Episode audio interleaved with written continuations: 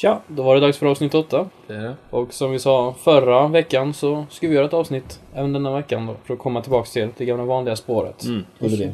Ja, Och eh, vi sitter kvar här. Det är jag och Alex. Fredrik. och Kristoffer. Ja, det är väl bäst att vi sätter igång helt enkelt för vi har rätt så mycket att prata om idag. Yes, det har vi. Och eh, vi kan väl börja som, som vi brukar och eh, berätta lite om vad vi har gjort. Vad vi har gjort? Vi har Senaste spelat tiden. en gammal klassiker i ny form. Mm. Vi har spelat Tetris DS. Vad tycker vi om det?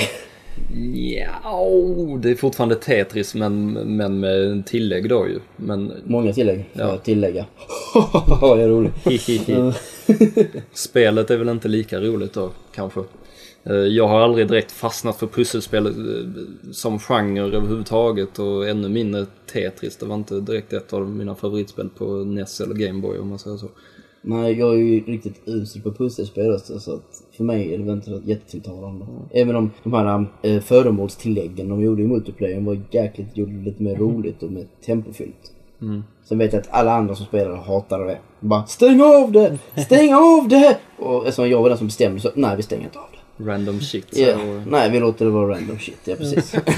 det är Så har roligt. någon chans att överleva i alla fall. Ja, um, men det finns andra tillägg i det här spelet. Som alltså, drag där man ska typ um, de, få ner ett stort torn.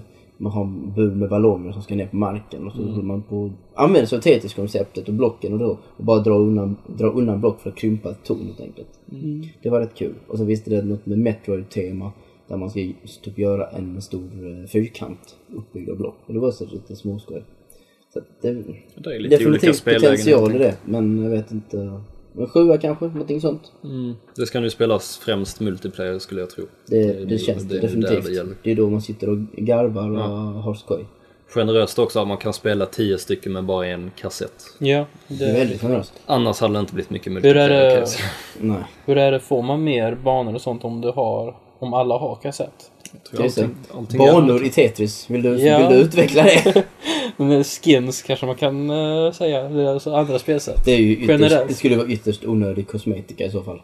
Så Jag tvivlar, jag har faktiskt jag har ingen aning. Jag tror allting var öppet alltså. Alla Det känns som multiplayer-grejerna det. var öppna. Yes. Vad har vi mer spelat? Vi har spelat Buzz. Mm. Eller ni har spelat pass. Ja, okej du, du, eh, vad gjorde du? Jag spelar Mega Man. Det här Battle Network Ja. DS-spelet, någonting Allmänt dåligt. allmänt dåligt. Så att vi tar om Buzz Vi istället. tar dem då fast istället. Och Buzz är bättre. Butts, uh, butts. Alla blir buttsarna. Uh, enough. Ja, enough, okej. Buzz påminner ju starkt om sin föregångare såklart Mm. i upplägg. Och det är inte mycket som är ändrat. Mer än då temat. Eh, temat nu är lite mer allmänbildning. Istället för bara musik så har du, ja, du har lite musikfrågor fortfarande naturligtvis. Sen så har du då frågor om film och litteratur och geografi och så vidare. Lite, lite mer blandat. Lite svår, småknepigt den här gången också. Med bilderna och det här. Men här, somliga bilder var ju skådisar och sådana saker. Bara, Vem är det? Vem är det? Och skådisar de byter utseende liksom varje halvtimme. Så det, det är helt hopplöst att veta hur de ser ut. Det lär man sig också. Ja, jo man gör väl det. Men det var kul, vi, vi, vi skrattade åt det också. Så att det har säkert potential att vara sån här partyhöjare. Ja, Ja, och sen att man kan eh, spela åtta spelare också på det nu. Nej det får man inte glömma, nej just det. Nej. Vi spelar dock bara fyra. Så Ja, får testa någon gång att testa, köra. Vi testar innan recensionen, jag tänker efter. Eh, jag har spelat uh, Final Fantasy 11 på Och det tyckte Dreamcast. du om? Säger jag inte alls, jag menar 360. 360. Förlåt, det, det var så dåligt så jag vill bara, jag vill bara glömma det. Jag vill tänka tillbaka på mina glada minnen om Fantasy Star Online istället. För det här var inte bra. Det här är, usch. För det första är det ju liksom PC, föråldrade PC-grafik och Playstation 2 liksom. Och laddningstimmar, timmar, ja laddningstimmar, bokstavligt talat, från helvetet. Först ska jag ladda ner allting på en hårddisken som tar typ en timme. Och sen var registreringsprocessen irriterande för den bara, bara avbröt mig hela tiden. Och sen när jag äntligen kom in i spelet så bara, mm, nu ska vi patcha ihop detta här, de senaste uppdateringarna och sådär. Vänta i två timmar tack. Jag såg en film under tiden. Det, nej usch. Det är sånt jag inte jag se på konsol. Jag förstår det med, i och med att det är ett MMORPG. Men ändå, det, det bara känns väldigt fel. Det känns som att min 360 blev väldigt våldtagen. jag säger det rakt ut. Det är bara hemskt. Och sen är inte spelet så mycket att hänga i granen heller. Fredde, du, du såg det igår. Ja, du skulle starta upp det, det tog väl en halvtimme innan vi kom in i spelet överhuvudtaget för att du var tvungen att uppdatera då också. En Vilket vecka efter jag köpt spelet så måste jag patcha upp det en gång till. Eh, Ja, nej, det känns inte sådär jätteinspirerande får jag ju säga. stelt och grått. Mm. Väldigt oinspirerad Final Fantasy-designet allmänt. Känns inte så mycket Final Fantasy överhuvudtaget. Final Fantasy lever ju mycket på just att det är väldigt speciell och inspirerad design ofta. Vilket inte det här är. Det är liksom gråa tråkiga städer och karaktärer Konstiga namn också. Det låter Ja. inte alls som Final Fantasy-namn. Nej. Vanduel och sådana grejer. Så det heter inte Final Fantasy-städer. Det är som Midori Ja. och sådana grejer.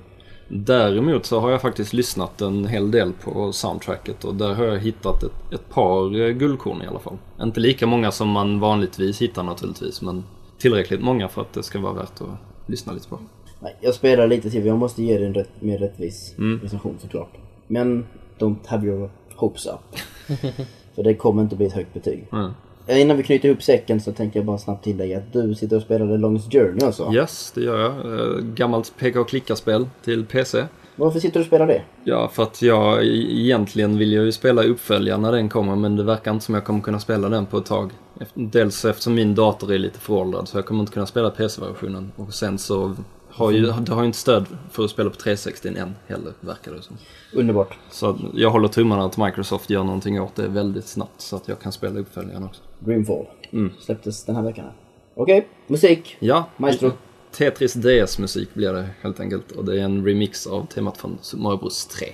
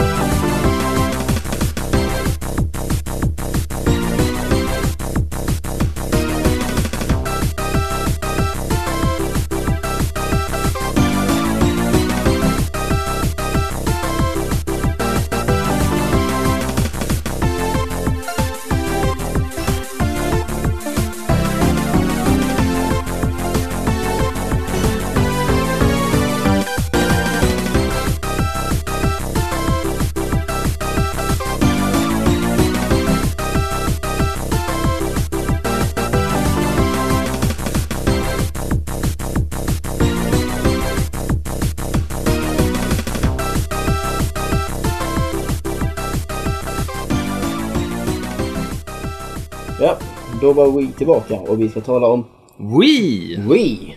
Nintendos nya namn på Revolution. Ja. Ehm, ja. Första instinktiva reaktionen när ni hörde det. What? VTF. Det, det Ja. kom ifrån ingenstans och, och jag är fortfarande förundrad över hur de kan ha valt ett sånt namn. Jag är inte, inte lika sur, för det var faktiskt nästan första reaktionen liksom, vad i hmm, håller de på med? Nu så har jag väl mer börjat tycka att det är lite charmigt och annorlunda och så här, men jag är fortfarande väldigt förundrad över hur de har kunnat ta ett sånt namn. Jag blev väldigt sur. Men den första timmen så var jag lite så Va? Vad har de gjort? Vad, vad, vad, menar de? Eller, och det visste jag inte. Var tvung, var de till och med tvungna att förklara. De säger att ordet ska vara så enkelt och alla ska förstå det. Men de Precis. måste förklara det med tio rader text. Så det var lite sådär motsägelsefullt. Ja. Jag tror att egentligen står Wii för någonting högintelligent. Det är bara det att de vill inte säga det. Ja, okej. Det är en möjlighet. Men eh, ja, vad hände? Eh, Alla världens spelforum och nyhetskommentarsystem brann upp. Mm.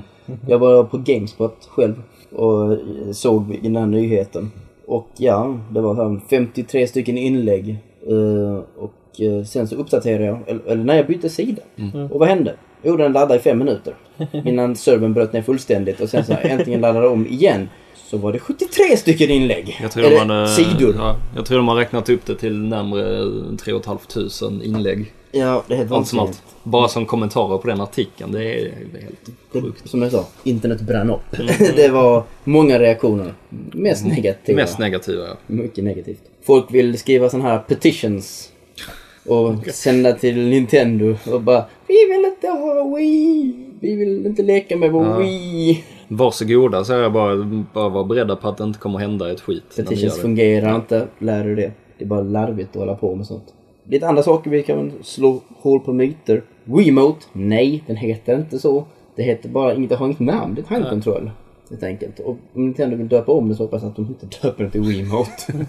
det skulle bli... Att det låter som en liten bebis som säger remote. Remote. Mm, Wiimote. Nej, det fungerar inte. Nunchuck ska de heta tycker jag. Nunchucks. Vill du spela med min nunchuck? oj, oj, oj. Uh, och sen finns det de som uh, hela tiden som fortsätter att säga att Nej minsann, jag kommer att kalla Revolution Revolution fortfarande. Kommer att kalla det Wii. Vad, vad tror du om sånt? Jag tror inte de kommer göra det särskilt länge när namnet väl blir etablerat. Varför kalla någonting för något som det inte heter? Det liksom... Kallar vi uh, GameCube Dolphin fortfarande? Nej, och vi kallar inte Nintendo 64 för Ultra 64 eller Project Reality Ultra heller. 64! Vilket Ja. härligt namn. Mycket kraft i det. Till skillnad från Wii. Jag har sett på det här, det här, djuret, någon sa att det låter som någon, någon, någon eh, liten barn som ropar i glädje Ja, på berg och det är det. Wii. Glädje mer eller mindre, det är det första man tänker Det, på när jag man tänker också på så här, typ, här är det negativt. Wii! Det får ett glädjens ljud. Mm. Däremot är jag lite tveksam till, för Nintendo har ju sagt mycket det här att oh, det kommer vara lätt att gå ut till den breda publiken med ett så här enkelt namn. Jag vet inte om det är så enkelt, för just som du var inne på också, att det behövs förklaras för att folk ska förstå innebörden med det. Jag, jag testade visserligen på en del människor, nu får jag tänka på att jag bor i Sverige och att jag även var i Danmark. Mm. Och de tolkade det som Wii. Jo, men om du går ut till Inte, någon inte som inte vet... eller något annat. Nej, nej, alltså inte så att de tolkar det som något konstigt ord eller någonting. Mm. Men att de kanske inte vet liksom, Wii, jaha, är det en spelmaskin? Vad är det för någonting? Bla, bla, bla. Jag menar, Playstation, hur tråkigt ordet än är, så hör du, du hör vad det är för någonting. Det är en spelstation. Och det gör det också på Xbox. Nej, just det. Ge dig. Du får ge dig.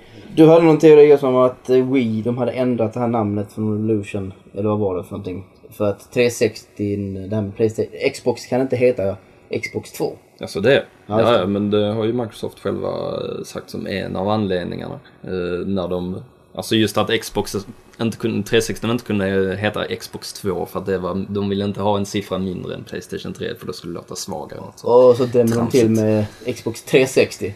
Ja, Vi har haft 259 versioner. 259 sa jag det precis. 350. 359 versioner före Playstation. Det är hardcore. Det är, Det är intressant det här med hur de kommer på namn, helt enkelt. Jag är intresserad av att veta vilken reklambyrå Nintendo anlitade. Och hur många de testade det på. Hur många vågade de testa det på? Med tanke på att Nintendo är så väldigt förslutna med alla sina hemligheter. Jag, jag tror nog att de har rätt så gott självförtroende efter alla konsoler de har gått ut med. Så tror de har rätt så gott självförtroende. Nintendo har de största kajones i världen. Av alla spelutgivare. De är ju de enda som byter namn eh, mellan varje konsol också. Men både Sony och Microsoft kör ju liksom på etablerade varumärken medan Nintendo hela tiden gör om. Liksom. Där är det Nintendo i sig som är varumärket. Ja, det gjorde de med DS också. Mm. De tog väck Gameboy och så ersatte de med Nintendo DS. Precis. Rätt intressant. Ja, Väldigt modigt. Ja, och sen så nu eh, dagen efter, eller två dagar senare eller något sånt, så började det snackas om att Ja men jag tror detta här är en eh, marknadsföringsstrategi av Nintendo. Och att eh, de kommer nog byta namn igen Denial. under E3. Till Tror vi på det? Revolution. Det kommer vi inte hända. Det kommer absolut inte hända alls. Va- Hur, hur löjligt låter det på en skala? Väldigt, kan jag svara direkt. Jo. Oj ja! Vad- vet? Stor poäng att avslöja någonting två veckor sen. Det är precis som med um, förra året. När folk väntar på det här stora avslöjandet. Och så bara, nej det kan inte vara det som Nintendo hade på presskonferensen. För det var lite av en halvflopp. Ja, det var det. Och så bara väntar de på, ja men det var den här nedräkningen i den här videofilmen. Och, ja, Nintendo-fans är underbara när det kommer till konspirationsteorier. Mm. Är något Ja. mera? Nej, jag vet inte. Jo, vi måste väl nämna egentligen marknadsföringsaspekten i namnet. Mm. För jag måste säga att det är genialiskt. De kan använda det till nästan vad som helst. Alltså att använda ordet Wii kommer de kunna ha mycket skoj med tror jag. Och det kommer vara- enkelt att koppla för folk. Ja men som sagt, tänk så här. Shall we play? Och så stavar man det med W-I-I. Ja. Kommer fungera hur bra som helst. Tror jag i alla fall. Och använder de inte det, då är de korkade. Det kommer de göra. Det kommer de göra. Men Ta inte ett sånt namn. å andra sidan, med sådana här saker som, med sådana här avslöjanden så kan man ju fråga sig Ska man verkligen lita på att man vet vad Nintendo sysslar med? så det är inte säkert att de kommer använda det på det viset. Nej, jag är rätt så säker på att de kommer göra det. De är duktiga på att släppa bomber de där. Vi lämnar Wii. Tills vidare i alla fall. Oh yes. Vad går vi till istället? Yes, är det en Uppföljning liten, på precis, lite förra programmet. uppföljning på eh, Fantasy Star Universe. Vi pratade om att det kommer släppas till 360 och att vi hoppades att det skulle bli då bättre eh, online-stöd eller då en bättre lösning på det än eh, Fantasy Final 11. Fantasy 11. till Som är vidrigt. För att det ligger två, det är typ ett, ännu, kan man säga, ännu ett live uppe på, Ja, ja, du spelar ju över Squares eh, online-tjänst, Play Online, ja. och inte över live. Och det är korkat. Mm. Det är väldigt korkat. För att Det är plötsligt måste jag ha två message-tjänster. Jag har två stycken vännerlistor och allt möjligt. Mm. Ja, jag, jag tror det är lite för att 360-ägarna kommer så sent in i spelet. Det har varit ute så länge till PC och PS. Fortfarande Så att de korkat. har De kunde nästan tvungna det. att göra så. Men- Därmed nu... Så eh, gör de- inte Sega. Nej, utan eh, 360-spelarna kommer vara i en liten bubbla för sig själva och bara spela över live medan Playstation 2 och PC-spelarna kommer ha då ett nätverk. Helt underbart. Ja. Helt rätt tänkt. Hoppas vi, eh, om, om de ska ta betalt för tjänsten, så hoppas jag jag kan betala med points. Mm. Jag vill inte eh, slänga fram mitt eh, Visakort eller något sånt. Och liksom dubbla tjänster och sånt. Nej. Jag hoppas att de inte tar betalt för tjänst. Och en Star Online kostar det. Mm. Så man vet aldrig. Eh, apropå Sega. De avslöjar nya spel Mm. i eh, väldigt snabbt tempo. Ja, de har ju gjort det till en liten grej att de ska avslöja ett gäng spel då under hela tiden fram till eh, E3 startar. Och vad har vi? Vi har Monkey Ball, Mm. Revolution. Behöver ingen annan presentation. Nej. Jag nästan kan förstå hur det kan fungera så. Vi har ett Virtua Tennis 3.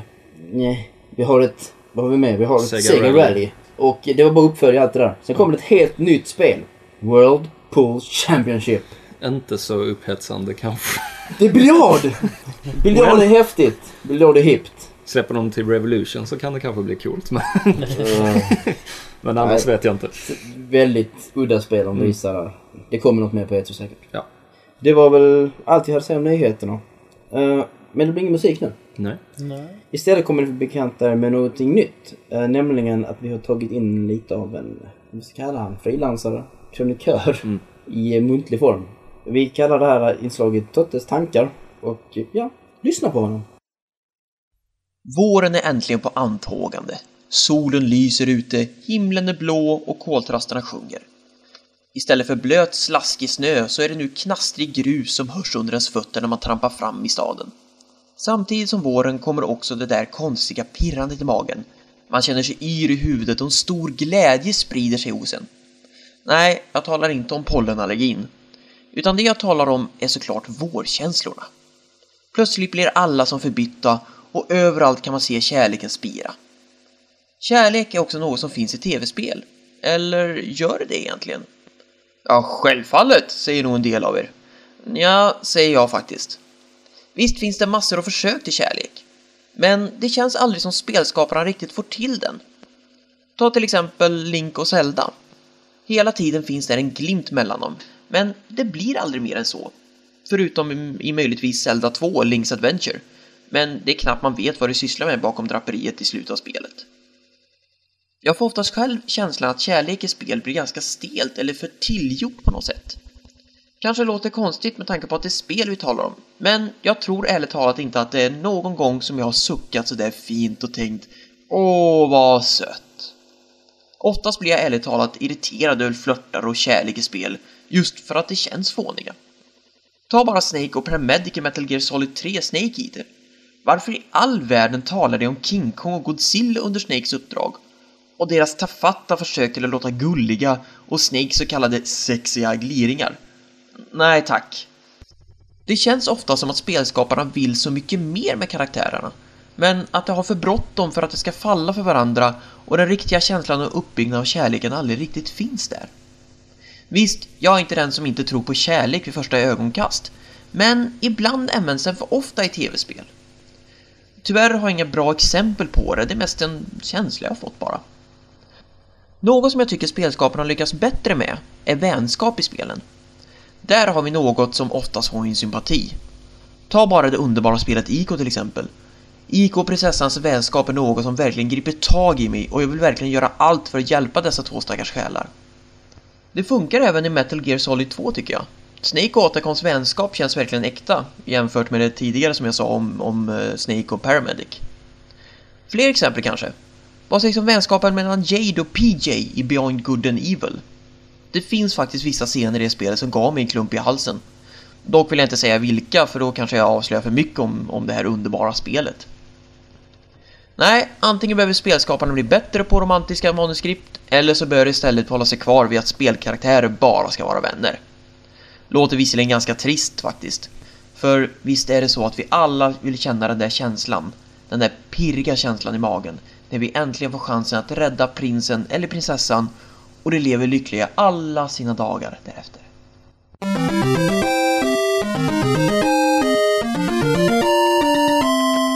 Veckans highscore går till skaparna av Play-konserten. Både för att de tar hit den till Sverige och för att utöka listan med musik från Mario och Zelda-spelen. Nu får vi äntligen chansen att höra Zelda-hymnen i konsertversion.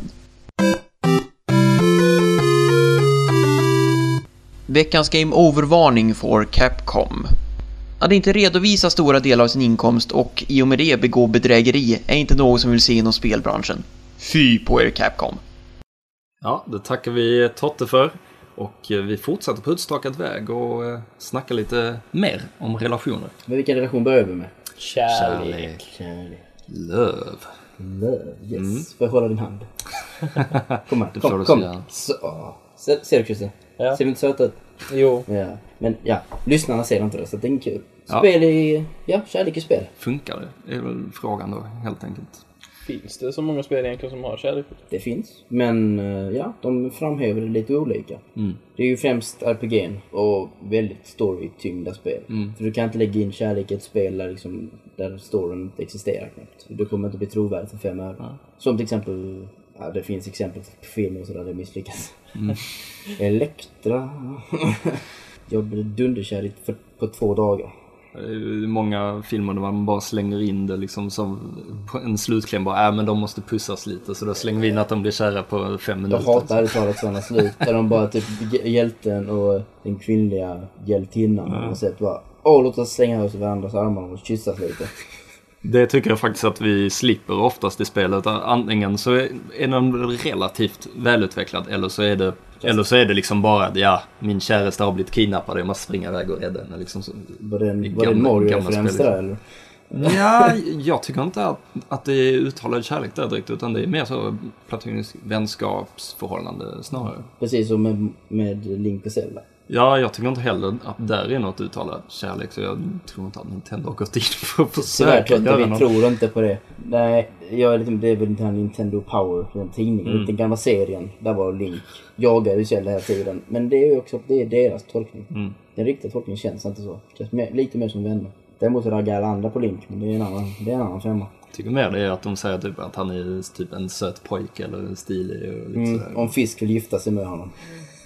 Men hon är lite speciell. Nåja. Uh, sen Fahrenheit. Mm. Eh, I Fahrenheit så går det så den här kärleksrelationen lite mer snabbt. Som jag sa, jag jämför det gärna med Elektra. där liksom, det går på två dagar och så eh, har de barn och grejer. Det där var liksom spoiler fullständigt. Men ändå, det, det bara... Ska vi, ska vi förresten varna om att det här kommer vara rätt mycket spoilers nu? Vi måste gå in på de här... Sätta en stor spoilervarning på hela programmet. Det jag. är spoilervarning på hela programmet. Vi, vi måste gå in på det. Annars så kommer ingen vart. Uh, ja, har vi något spel där eh, kärleken har varit väldigt uppenbar? Jag tycker att Final Fantasy 8 är ju en enda lång kärlekshistoria hela den. Och jag tycker att den är rätt så effektiv också. Du har många eh, fina scener, till exempel den här eh, när Squall bär Rinoa över en lång, lång bro. Helt ensam. Älskar den scenen. Men, eh, det, det, faktiskt, där blir man lite varm i kroppen. Ja, men Den är mysig. det mäktigaste med den kärlekshistorien som jag tycker, eh, eh, du har ju Laguna som är Squalls pappa och sen så har du Julia som är Renoas mamma. Och de är, har ju början av ett kärleksförhållande tidigare. Men som aldrig lyckas utan de blir liksom separerade och kommer aldrig ihop. Och sen alltså kommer deras barn ihop på slutet så det är väldigt fint. Väldigt jättesett. Kärlek som går över generationsgränsen. Och, Ja, det, Final Fantasy-spelen har jag alltid kört på de här temana. De har ju använt sig av det. Sjuan också. Det finns dold kärlek och det finns... Den är aldrig riktigt uppenbar i sjuan. nej. Men den finns där. Och Eris och Cloud. Jag vet, det känns som de... Är de mer än vänner? Ville vara mer än vänner får vi väl tillägga. Jag blev lite kär i Eris och jag blev ju förbannad när Sephiroth kommer och stabbar henne. Så, liksom, det är ju ungefär det. Liksom, det kommer ju aldrig längre. Nej. Men den här scenen, om man nu väljer att eh, låta dem få åka i den här karusellen. Så, då hör man att det är något till. Sen har vi Xenogears. Som har en av de mest överraskande scenerna som jag har spelat. Okej. Åtminstone med utgång från vilken, eh, alltså hur långt spel och sånt har kommit på den tiden. I mot slutet av spelet så ser man uh, hjälten Faye ligga till sängs på morgonen rättare sagt. Och så vaknar han. Och när han reser sig upp så ser man att det ligger en naken människorygg bakom honom med orange hår. Och det är ju såklart den, eh, Ellie. Ellie, ja, precis. Tack. Jag hade glömt hennes namn. Och då var bara What? Det var nytt. Och det var verkligen två stycken spelkaraktärer som gick i säng. Det är inte ofta det sker. Och att de vågade ta det till den nivån kan man säga. Inte bara liksom att det blev sött kärleksdrama på det viset. Det är Som i typ Final Fantasy 10 eller någonting sånt. Och bara åh vad mysigt vi har i vattnet och så plumsar vi och sånt där. Det var verkligen att de gick till sängs. Ex- Extremt diskret och snyggt utfört. Just det. Bara små pixelfigurer dessutom. Och det gav en otrolig impact på mig i alla fall. Tyckte de skötte det, väldigt snyggt i det spelet. Det kan vi gå in på lite också. Att behöver man gå så långt för att få relationen att kännas trovärdig? Ta Fahrenheit till exempel. Behövs den sexscenen överhuvudtaget? Tillför den någonting? Nej, egentligen inte. Jag vet inte. Hade de gjort den bättre? De gjort den bättre kanske? Tycker Jag inte den fyller någon funktion. Låter, gjort den bättre, det låter jävligt bisarrt egentligen. det låter som att jag vill ha en porrfilm. nej, eh, nej precis. Jag vet inte. Alltså sex och kärlek, de hänger ju ihop egentligen men i spel behöver det. Måste, jag tror det är känslorna som krävs. Mm. Problemet är bara att det krävs väldigt lång berättelse för att, det här ska, för att den här ska klaffa. Mm. Um, ja, vi har God of War. Yes! Det är väldigt kärleksfull scen där inne i, i slutet av första uppdraget. Ja. Det får säga allt. Har ni spelat så vet ni vad jag menar. Den var liksom, oj, jag vet inte. Det blev väldigt mycket rabalder om den scenen. Själv såg det som humor. Jo. Jag såg ing, ingenting annat än bara humor. Det var inte direkt någonting man blev påtänd av, vad säger jag? Tänd av. Man Nej, inte direkt stött av det heller. Liksom. Det är bara en kruka som skumpar lite. liksom. Man har ju sett mycket värre saker på TV. Big Brother. Och, Hemskt, hemskt, hemskt exempel men det finns där. Det finns ute för alla att se. Vad förväntar vi oss då? Av kärlek? Förväntar vi oss det i spel? Förväntar vi oss här. Jag tror det är lite det som gör att kanske att folk blir lite besvikna på kärleksbeskrivningarna ibland. Att man förväntar sig att det ska finnas kärlek överallt. Liksom att oh Mario och prinsessan, det är klart det är kärlek. Bara, nej. Nej. Och samma sak Link Zelda, det är också lite den där förväntan som folk har. I och med att man har växt upp, tror jag, mycket med tv-serien eller serietidningen. Teknik har kommit så pass långt med oss att det börjar ju faktiskt se rätt trovärdigt ut i och med att karaktärerna börjar se trovärdiga ut. Mm. Mer bättre animationer och liknande och sånt här. Uh, men jag blir inte ens övertygad om den här scenen som finns i Final Fantasy The Spirits Within. Mm. Vet de kysses där eh, någonstans. I hissen. Ja, och jag övertygas inte alls. Det, de, det känns inte som de nuddar varandra. är Väldigt plastigt och mystiskt. Och ungefär den känslan finns i spel i många fall om de vill gå till den nivån. Jag vet inte hur man löser det. Men som sagt, dagens teknik, det fungerar. Det är inte så mycket det grafiska eh, tycker jag heller utan det, det är mer eh, alltså, uttrycken för känslor. Det kan du lika gärna göra i text. Kan jag. Och eh, vad Eller karaktärerna som gör man eh, manusförfattare till Shenmue. Mm. Och svarar uh, thanks. Eller någonting sånt som uh, Ryu gör. När, vad heter hon, N- Naomi tillkännager sin kärlek till honom. Han bara, uh, okej. Väldigt träigt svar. Sammanfattar väl Knappt mänskligt. hans person helt och hållet. tycker jag. Det gör det. Jag vet inte, har vi snackat allt om kärlek? Finns det fler exempel? Finns inte så, alltså det finns inte sådär jättemånga bra exempel. Det finns exempel där det har funkat, men det finns också alldeles för många exempel där det är rätt så plastigt som sagt. Christer, du var tyst ett tag. Jo. Har du spelat någon spel där det finns kärlek? Nej, inte mer än God of War. Det är ju kärlek. Okej. Oh, vi lämnar det helt och hållet. Vi går inte ens in på det. Men vi kan väl sammanfatta som att it works. Det fungerar. N- när det görs väl. Men det är svårt. Mm. Men vi har sett fall där det funkar. Då kör vi lite musik och vi kör en gammal Koji Kondo-klassiker, eh, Princess Zelda.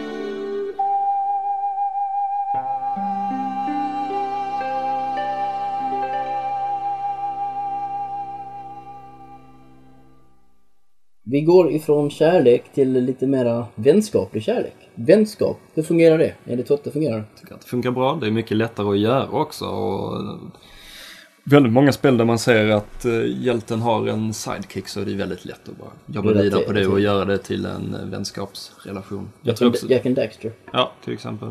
Eh, Lite speciell relation men Mm, ändå. jag tror också det är lättare för spelaren att relatera eh, till eh, vänskapsrelationen. För att man upplever den mer direkt, liksom att oh, man får hjälp av, eh, av eh, den här karaktären direkt och, och känner sig hjälpt som spelare. Medan eh, kärleksrelationen går mer in till spelkaraktärens känslor än ens egna.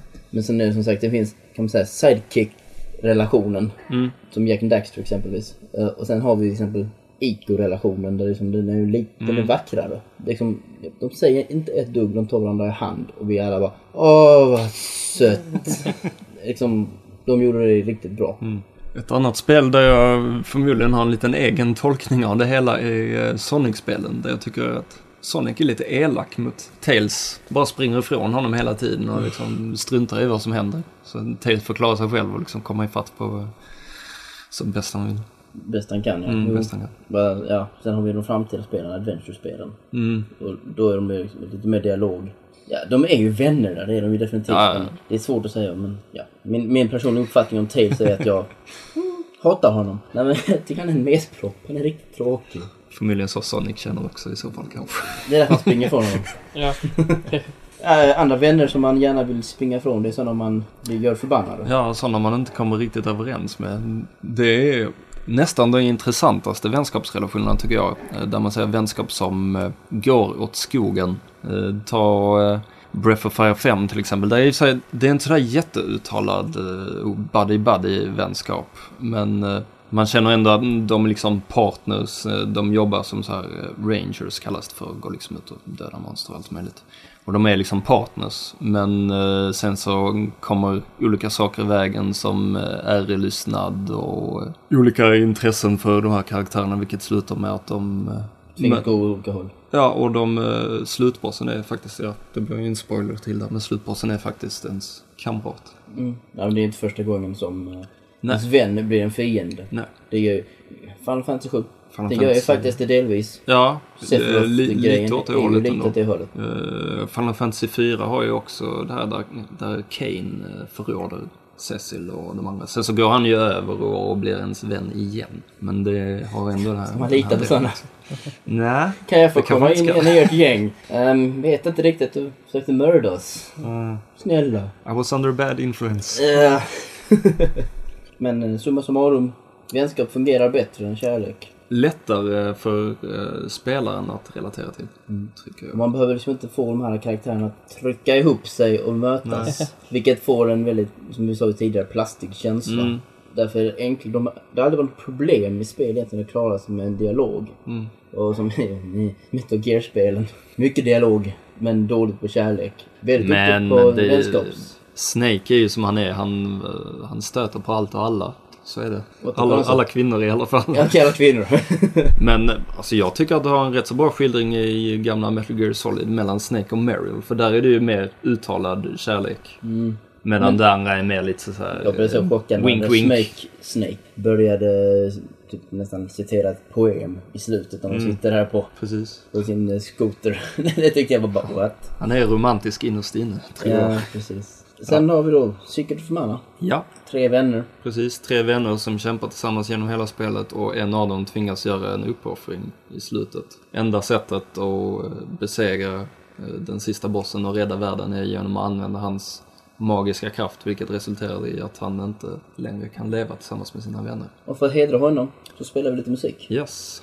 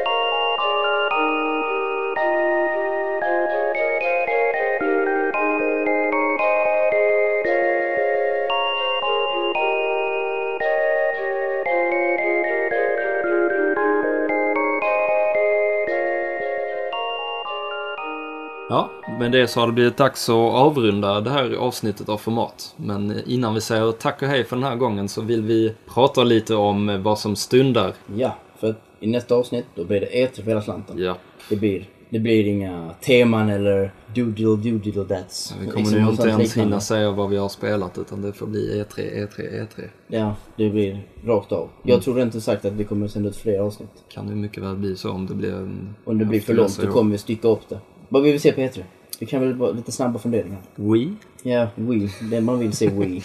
Men spelmässigt. Mm, jag är spänd på vad Square Enix har att bjuda. Eh, Det ryktas om att Final Fantasy 13 är långt gånget i utvecklingen så att jag hoppas att de visar en film i alla fall.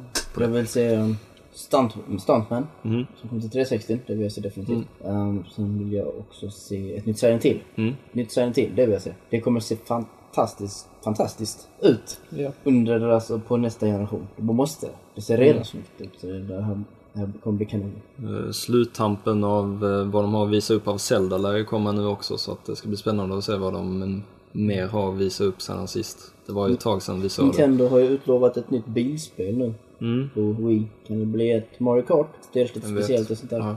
Kan bli lite allt möjligt. Um, ett Mario hade ju inte varit fel. Nej, De måste ju pusha med ett nytt Mario. Ja, jag hoppas det blir ett Zelda Mario, Mario som ett flaggskepp. Måste vara. Kan inte vara något annat. blir det svårt för dem. Mm. Det ska även bli intressant att få höra hur de ska utveckla live. Mhm. Men de, för det första, Microsoft måste utveckla live för att de ska liksom, konkurrera sen med Playstation 3 och visa att vi har ännu mer och bättre saker. Mhm. Som sagt, det räcker inte för Playstation att bara kopiera achievement points. Nej, de måste komma med någonting unikt också. Mm. Och bland annat så snackade de förra året om att eh, användare själva skulle kunna göra typ kläder i Tony Hawk eller något liknande och sen så ta liksom betalt för det. En liten, liten summa. En point eller något sånt. Och kanske bara en fjärdedelars point. Mm. Intressant tanke. Det har inte aktiverats ännu. Men det lät som någonting som de vill satsa på. Så vi får se hur de blir, gör med den saken. Yes. När vi ändå håller på att snacka om live så kan vi prata lite om det här. Microsoft har snackat lite om att eh, göra Marketplace till eh, en lite speciell plats nu under E3 genom att släppa ut demos. Till och med gratis. Ja, gratis. Alla demos är ju veckan. gratis. Men eh, ja, alltså eh, live gold är gratis under veckan. Men sen Yes. att de även kommer lägga upp demos och trailers och så här eh, på Marketplace som kommer finnas på golvet på mässan också. Så att man kan uppleva en del av mässan hemma i soffan också. Förhoppningsvis är det alla regioner som får det. Så att inte de har släppt bara det i Amerika. Nej, Förmodligen inte. Nej, Håll det har tummarna kommit det. ett svenska meddelanden om det också. Så det Ja, kommer. Vi kan räkna med en Halo 3-trailer. Med Mm. all säkerhet där. Eh, Lost Planet-demo är redan utlovat. Och det är jag väldigt spänd inför, det spelet som helhet. Coolt. Mm. Ja, det var väl allt jag hade att säga om E3. Ja. Bortsett från det så ska ni självklart besöka e3core.se för att få era färska E3-nyheter i år. Vi eh, öppnar på måndagen den 8 maj. Eh, I övrigt så ska även eh, Victor Lejonhufvud på Fuse Show hälsa att nästa Fuse Show börjar bli färdigt. Så att håll utkik efter det också på sajten. Jag tycker vi avslutar där. Ja, vi avslutar med musik som vanligt och vad passar bättre än med en riktig kärleksballad. Det blir Theme of Love från Final Fantasy 4, eh, spelad på piano helt enkelt. Piano. Så avskalat det bara kan bli. mysigt. Mm. Och så ses vi efter E3 blir det. Efter E3. Ja. Vi håller oss färska och fina. Ja. Ha en bra mässa nu allihopa. Läs så mycket nyheter ni bara kan. Keep it real! Ha det!